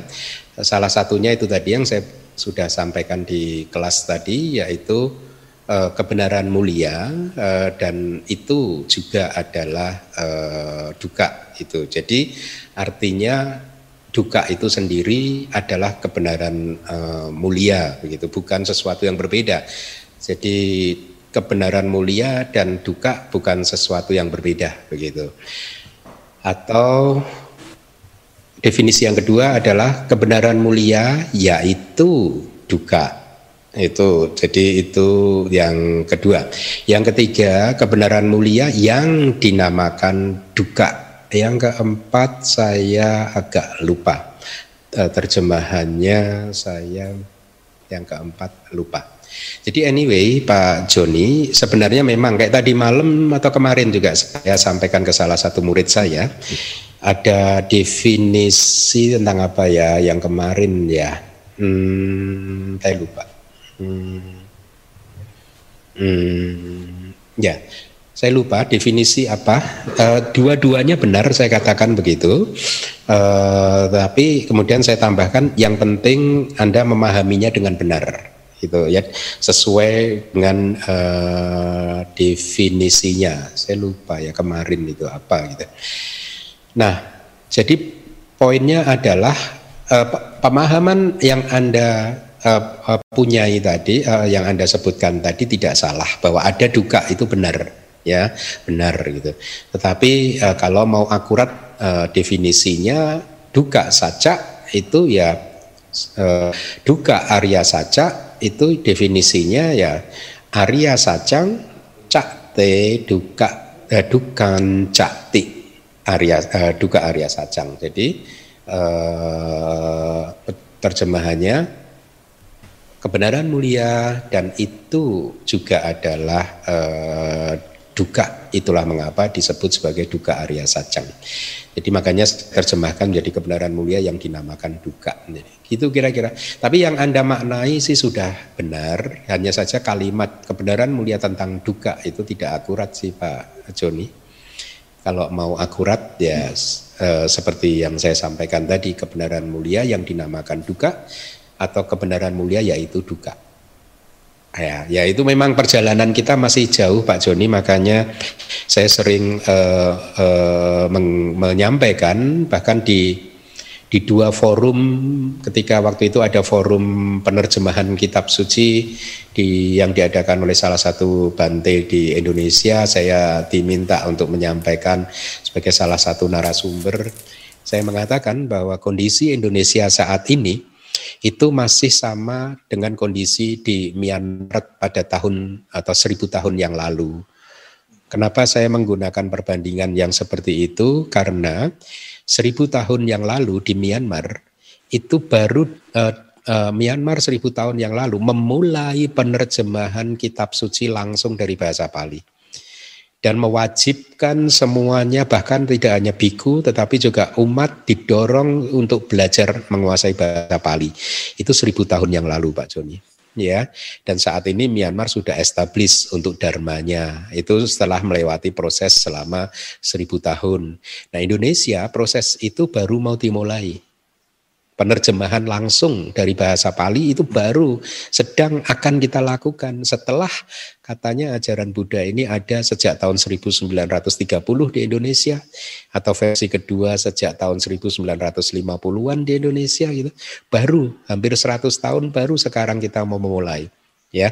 Padahal untuk mencetak pabacita yang paham bahasa Pali itu membutuhkan waktu yang panjang. Tidak semua pabacita juga mempunyai syarat atau bisa bahasa Pali nantinya karena tingkat maaf ya tingkat ini dan itunya nggak mencukupi akhirnya nggak bisa paham bahasa Pali juga banyak gitu. Jadi mencetak pabacita yang paham bahasa Pali itu prosesnya panjang. Bahkan bisa jadi mungkin 50 tahun muncul satu, 50 tahun muncul satu, bisa jadi itu terjadi gitu ya.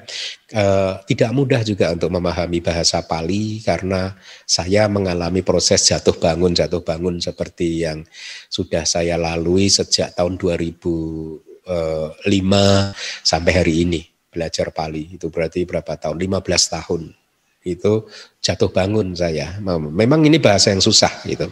Tetapi walaupun demikian tentu bukan menjadi alasan bagi Pabajita khususnya untuk tidak menekuni bahasa Pali begitu. Jadi begitu Pak Joni. Ya, kebanyakan kita mengandalkan terjemahan bahasa Inggris yang kemudian kita terjemahkan ke dalam bahasa uh, Indonesia. Dan terjemahan bahasa Inggris itu biasanya hanya ditulis the truth of suffering gitu. Of sufferingnya itu sesungguhnya maknanya bisa macam-macam gitu. Ya, jadi kalau ketika kita terjemahkan sebagai kebenaran mulia tentang duka itu tidak sesuai dengan teks, tapi pemahaman Anda sih benar. Jadi hanya perlu ditambahkan bahwa duka itu tadi, ada duka itu tadi, ini adalah kebenaran mulia. Gitu, duka itu sendiri itu adalah kebenaran mulia itu. Jadi bukan kebenaran mulia dan duka itu dua komponen yang berbeda, tapi satu komponen. Duka itu sendiri adalah kebenaran mulia. Nah, definisi kebenaran mulia itu apa? Satu, karena dia ditemukan oleh orang yang paling mulia yaitu Buddha Gotama. Ya. Kemudian dua, siapa pun yang mengikutinya, mempraktekannya akan menjadi orang yang mulia. Tiga disebut kebenaran mulia karena ini memang benar ada seperti kata Pak Joni tadi. Itu definisi-definisinya begitu. Begitu ya Pak Joni ya. Jangan jangan khawatir pemahaman Anda udah benar kok. ini kan hanya masalah apa ya? Nah, ya, hanya masalah untuk mengakurasikan istilah-istilah di Indonesia gitu. Ya. Baik. Ya, karena Bante. Ya. ya. Terima kasih Anu Menana atas penjelasannya. Berikutnya kepada uh, saudara Ricky Wu kami persilakan.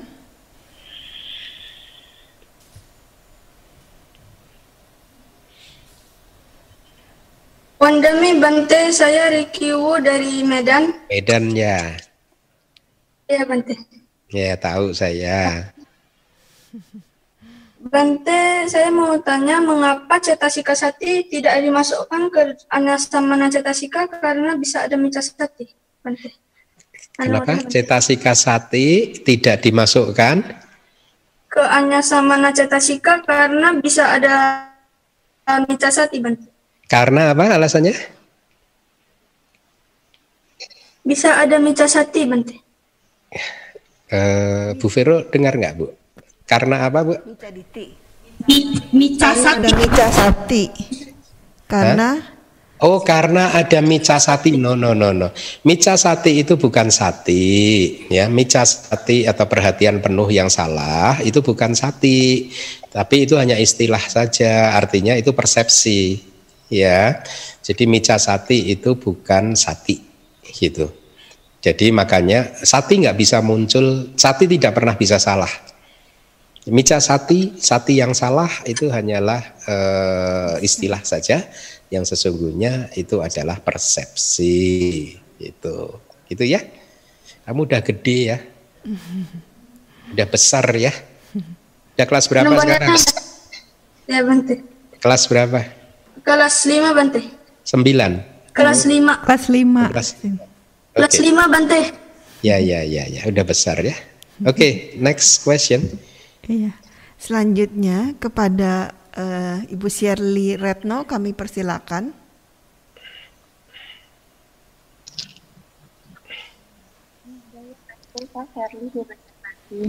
Bu, suaranya kecil. Mungkin... Namo budaya, maaf. Iya. Shirley Masin. Bante, mohon petunjuknya cara melihat Bante maksudnya melihat dalam kehidupan sehari-hari, melihat segala sesuatu ataupun melihat mm, gerakan pikiran supaya uh, kilesa nggak muncul Bante. Mohon petunjuk Bante. Terima oh. Gimana cara melihat segala sesuatu supaya kilesa nggak muncul ya Bu? Betul Bante. Dalam kehidupan sehari-hari juga kan Bante kadang-kadang kita sibuk gitu Bante. Iya. Hmm. lihatnya maksudnya pun kadang-kadang memandang orang tuh melihat itu cara tekniknya tuh gimana gitu Bante. Ya, oke okay, teknisnya ya. Ini Bu Bu Serli Retno ini lama nih nggak jumpa nih. Baik, uh, sebenarnya akan lebih lebih lebih mud, mudah adalah ketika eh, siapa pun lah tidak hanya Ibu Serli eh, saja siapa pun pernah eh, mempraktekkan retret untuk mengembangkan perhatian penuh itu ya eh, apa bagi yang belum pernah retret agak sedikit kesulitan tentunya untuk bisa memahami apa yang nanti akan saya sampaikan. Nah, pertama kali Bu, eh, seperti yang tadi juga saya sampaikan di ceramah saya, kita harus memahami dulu ini kilesa itu yang seperti apa sih gitu ya. Kemudian yang bukan kilesa itu seperti apa. Kalau ibu punya buku saya buku manual abidama kedua itu di sana dibahas. Kalau tidak punya ibu bisa pesan di DBS itu uh, bisa di uh, uh, pesan untuk dibagikan gratis kok buku-buku saya itu itu ya Kenapa harus mengetahui mana kilesa dan mana bukan? Supaya kita tahu itu mana yang perlu segera dienyahkan dan mana yang harus dikembangkan. Ya, supaya kita tidak juga kebalik-balik. Jangan-jangan yang kita enyahkan itu adalah bukan kilesa, sebaliknya yang kita kembangkan itu ternyata adalah kilesa gitu ya. Nah, kilesa tidak hanya 10 tetapi 14 yang tadi sudah saya sebutkan. Itu masing-masing mempunyai cirinya, Bu ya misalkan nih kalau keserakahan itu kalau batin sedang dikuasai keserakahan kita tahu nih batin tidak mau beranjak dari objeknya tadi itu namanya berarti kita keserakahan sedang muncul. Kalaupun kita coba fokus ke arah yang lain, tidak lama kemudian batin lari ke sana lagi, itu lari ke objek tersebut. Nah, berarti keserakahannya masih kuat. Ya meskipun sudah digeser ke objek yang lain, nggak lama kemudian masih masuk ke sana lagi memikirkan objek yang sama lagi gitu. Nah, termasuk kemarahan juga seperti itu. Makanya keserakahan dan kemarahan itu diberikan ciri apa penjelasan di dalam kitab komentar. Kalau keserakahan itu adalah seperti monyet yang ingin memegang eh, jebakan monyet gitu. Kalau kemarahan itu seperti lintah yang sedang menghisap darah seseorang gitu, sama-sama mencengkramnya gitu. Makanya kalau kemarahan kemarahan sedang muncul biasanya gitu ya. E, meskipun sudah dialihkan ke objek yang lain tiba-tiba sebentar lagi akan muncul lagi e, berpikir tentang objek yang sama lagi. Tetapi cirinya berbeda antara keserakahan dan kemarahan itu berbeda. Kalau keserakahan itu tidak pernah muncul dengan perasaan hati yang tidak nyaman. Ya tidak e, duka cita Nah, perasaan duka cita itu perasaan yang Anda rasakan ketika Anda marah. Nah, itulah duka cita itu kayak gitu itu perasaannya. Perasaan yang muncul bersama dengan keserakahan itu hanya ada dua, yaitu sukacita dan juga ketenangan. Jadi hati-hati, bahkan dalam keadaan sukacita dan tenang pun bisa jadi itu adalah keserakahan. Nah itulah mengapa kita harus mengerti karakteristiknya, fungsinya gitu ya. Uh, kemudian juga uh, faktor mental atau kilesa-kilesa yang lain dan juga faktor mental yang indah kita harus mengetahui ciri-cirinya. Tetapi kalau untuk mempelajari itu semua kesulitan ya ada cara yaitu cara yang universal tanpa harus mengetahui itu semua yaitu dengan menerapkan yoniso manasikara. Yoniso manasikara itu artinya adalah perhatian yang bijaksana. Ini adalah perhatian yang kita secara sengaja gunakan secara sistematis ya.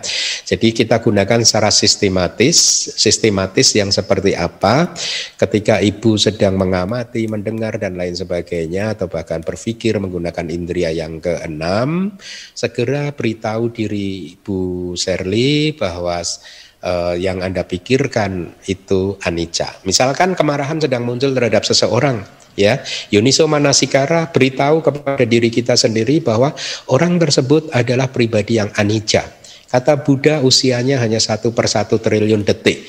Dia menjengkelkan kan lima menit yang lalu. Sekarang dia lima menit yang kemudian dia udah bukan manusia yang sama. Dia adalah pribadi yang berubah. Nah, ya. Jadi dengan demikian bisa pelan-pelan mengikis kemarahan atau juga tidak hanya terhadap objek kemarahan tersebut tapi juga terhadap diri kita. Kemarahan saya juga adalah sesuatu yang anicca gitu ya yang tidak kekal gitu e, di masa lalu saya sudah mengalami kemarahan itu anicca ya sekarang pun kemarahan juga akan seperti yang di masa lalu itu saat ini sedang muncul tapi jangan khawatir dia akan lenyap kemarahan ini memuncul membakar karena didukung oleh persepsi. Persepsi ini pun adalah juga fenomena yang tidak kekal.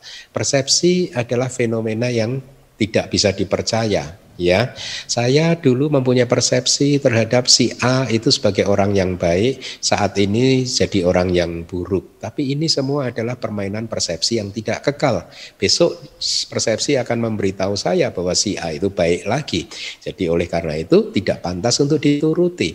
Nah sesungguhnya ketika persepsi ibu tentang ketidakkekalan itu tadi menguat ya maka kilesa-kilesa bisa segera dienyahkan Bu. Itu cara sehari-hari yang paling mudah untuk dipraktekkan. Tapi cara yang yang yang lebih bagus adalah dengan menerapkan sati, perhatian penuh terus menerus begitu. Nah tapi itu memerlukan praktek sih. Intinya perhatian penuh yang kita terapkan ketika kita melihat mendengar dan lain sebagainya adalah memahami semua fenomena ini eh, kita benar-benar melihatnya gitu ya. Kita melihatnya dengan mata batin kita bahwa segala sesuatu itu melalui tiga fase eksistensi yang tadi saya sebutkan yaitu muncul bertahan lenyap muncul bertahan lenyap. Jadi ada cara beberapa cara seperti itu, Bu. Yuniso manasikara adalah yang paling praktis di dalam kehidupan sehari-hari. Ini adalah pikiran yang sistematis untuk meng menyuntik kepada diri kita sendiri, memberitahu kepada diri kita sendiri bahwa segala sesuatu adalah anicca, duka, dan anatta. Demikian ya Ibu, mudah-mudahan bermanfaat. Bante. Terima kasih Bante penjelasannya. Selanjutnya kepada nggak jadi ya. Okay. Uh, eh, masih ada waktu mungkin um, ada yang lain yang mau bertanya silakan.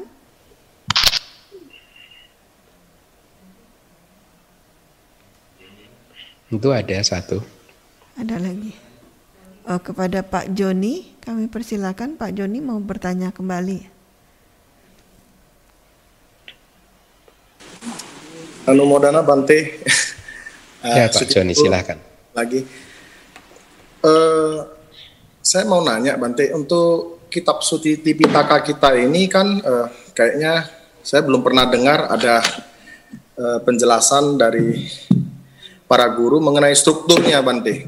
Sehingga kalau Tripitaka itu kan uh, ada Winaya Pitaka, Sutta Pitaka, Abhidhamma Pitaka gitu. Sementara terus kan banyak sub-sub bagiannya seperti itu.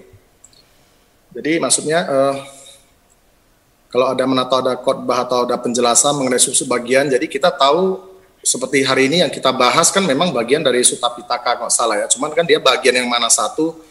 Jadi ibaratnya kita tahu kita kayak dalam peta itu kita lagi di mana di mana gitu. Eh, ini lagi jelaskannya di mana di mana seperti itu, Bang. Maksudnya peta gimana tentang topik-topik atau apa, Pak?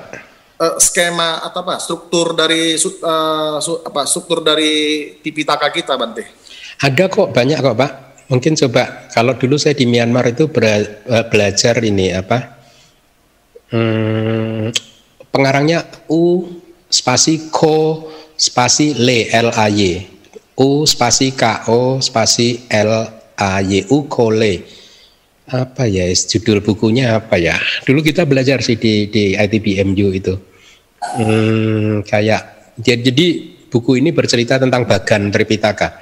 Ya, Winaya Pitaka isinya apa saja, suta apa saja gitu dengan topik-topiknya, kemudian abidama itu. Seingat saya tersedia online, saya lupa judulnya. Ini dulu buku pegangan kita juga waktu mahasiswa di ITBMU. Oh, uh, guide Tutik Pitaka.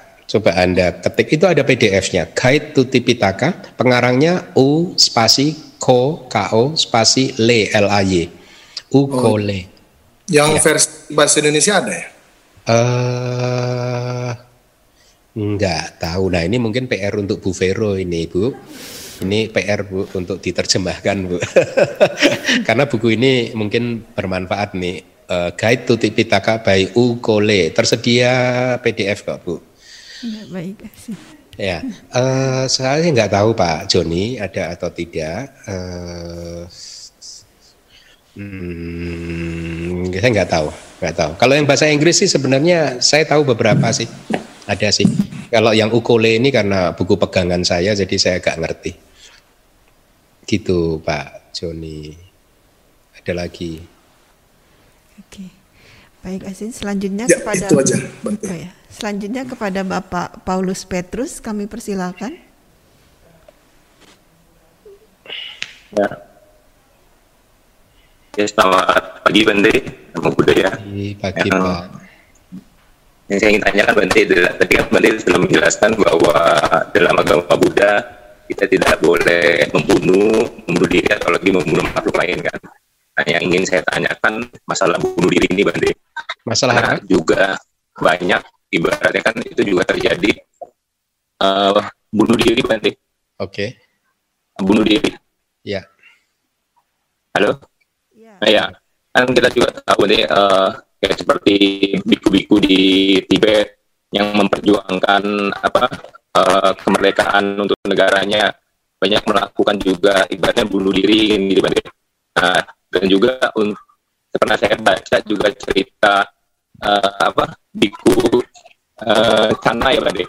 Nah, itu juga mengakhiri hidupnya dengan bunuh diri gitu Bang. Nah, yang saya ingin tanyakan bagaimana pandangan Budi tentang bunuh diri ini dan apa sih akibat akibatnya nanti pengaruhnya di kehidupan kehidupan mendatang katanya sampai tujuh kali kehidupan kita akan eh, jatuhnya kita bunuh diri terus gitu Bante. Apakah benar gitu Bante? Terima kasih Bante. Baik. Iya, eh, ini selalu saya juga apa belum sempat membaca lagi di suta.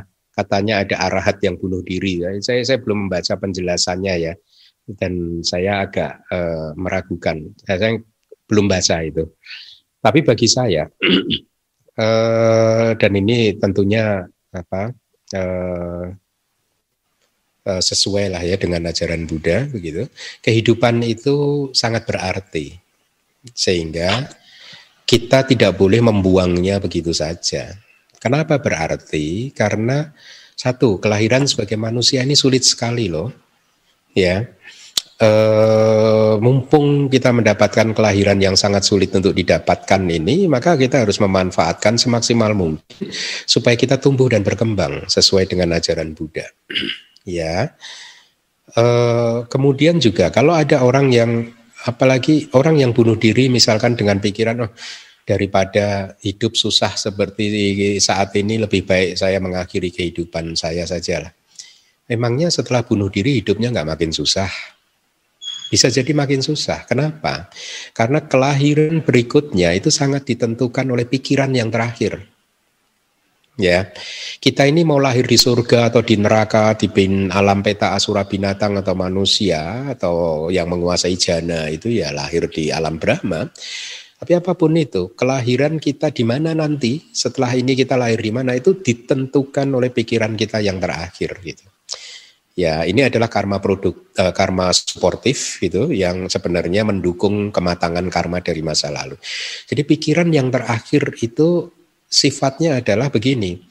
Kalau pikirannya itu positif, sabar, teduh, ding, sejuk, penuh meta karuna, penuh kebijaksanaan, dia adalah karma yang mendukung untuk kelahiran di alam-alam yang baik. Tapi sebaliknya kalau pikiran yang terakhir ini caci maki, kemarahan, kesakitan, bayangkan kalau orang yang bunuh diri, secara teori ya kita nggak bisa tahu persis keadaannya seperti apa, tapi secara teori aja anda kita bayangkan orang yang bunuh diri di detik terakhirnya itu kesakitan atau tidak?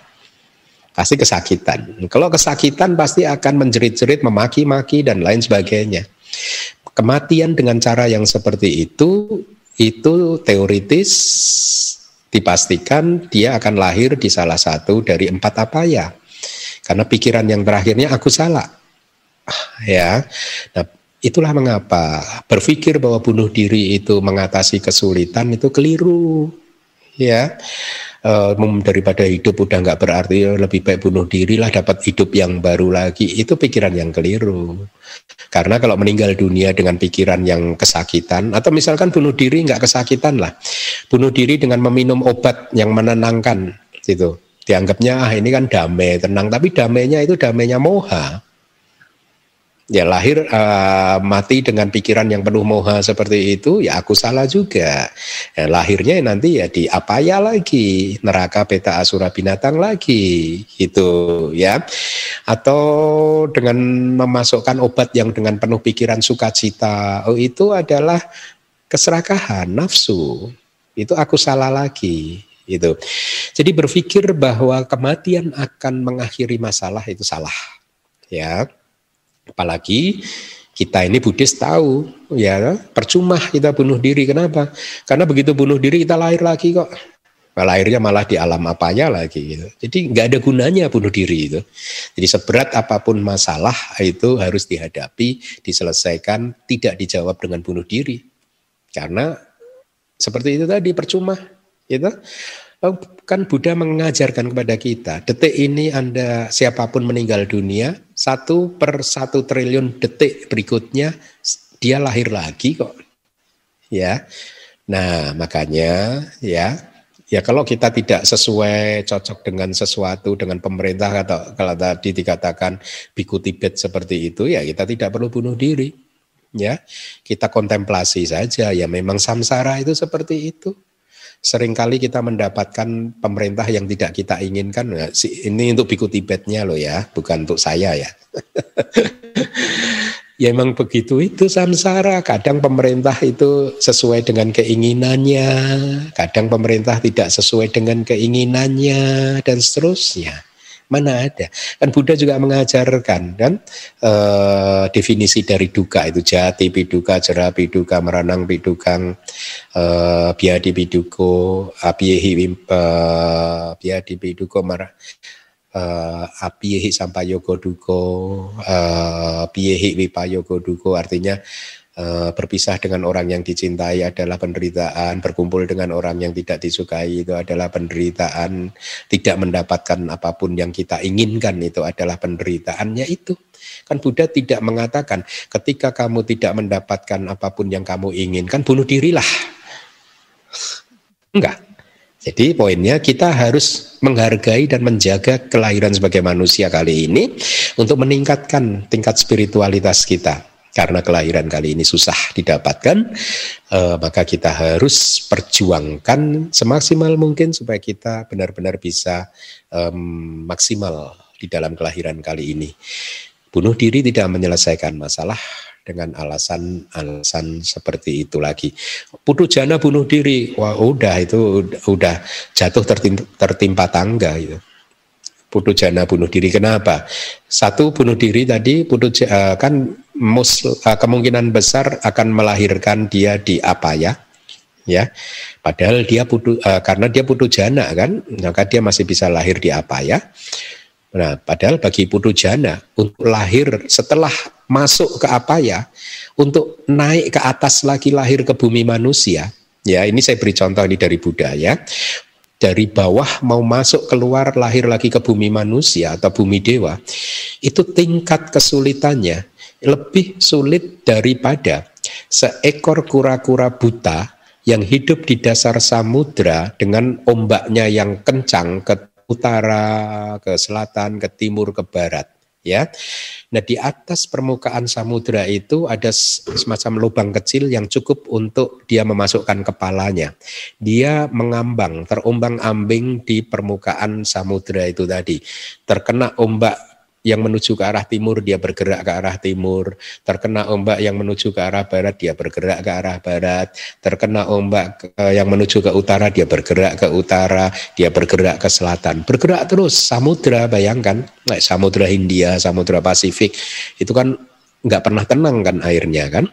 Nah si kura-kura buta tadi hidup di dasar samudra dan dia mempunyai kesempatan 100 tahun sekali untuk naik ke atas permukaan samudra guna berjuang untuk memasukkan kepalanya ke lubang itu tadi. Sulit tidak? Sulit. Bahkan kelahiran sebagai manusia bagi mereka yang sudah ada di alam bawah itu jauh lebih sulit lagi dibandingkan kura-kura buta itu tadi uh, apa uh, kelahiran mereka yang ada di apa ya untuk lahir ke alam yang atas di alam manusia atau alam dewa itu jauh lebih sulit dari itu. Bayangkan. Makanya kehidupan sebagai manusia harus kita jaga, harus kita rawat demi supaya uh, kita bisa berkembang sesuai dengan ajaran Buddha. Demikian Bapak ya. Ya, terima kasih Anumbrana. Baik. Terima kasih Asin penjelasannya. Kemudian kepada Bapak Surya Adi, kami persilakan Bapak Surya Adi.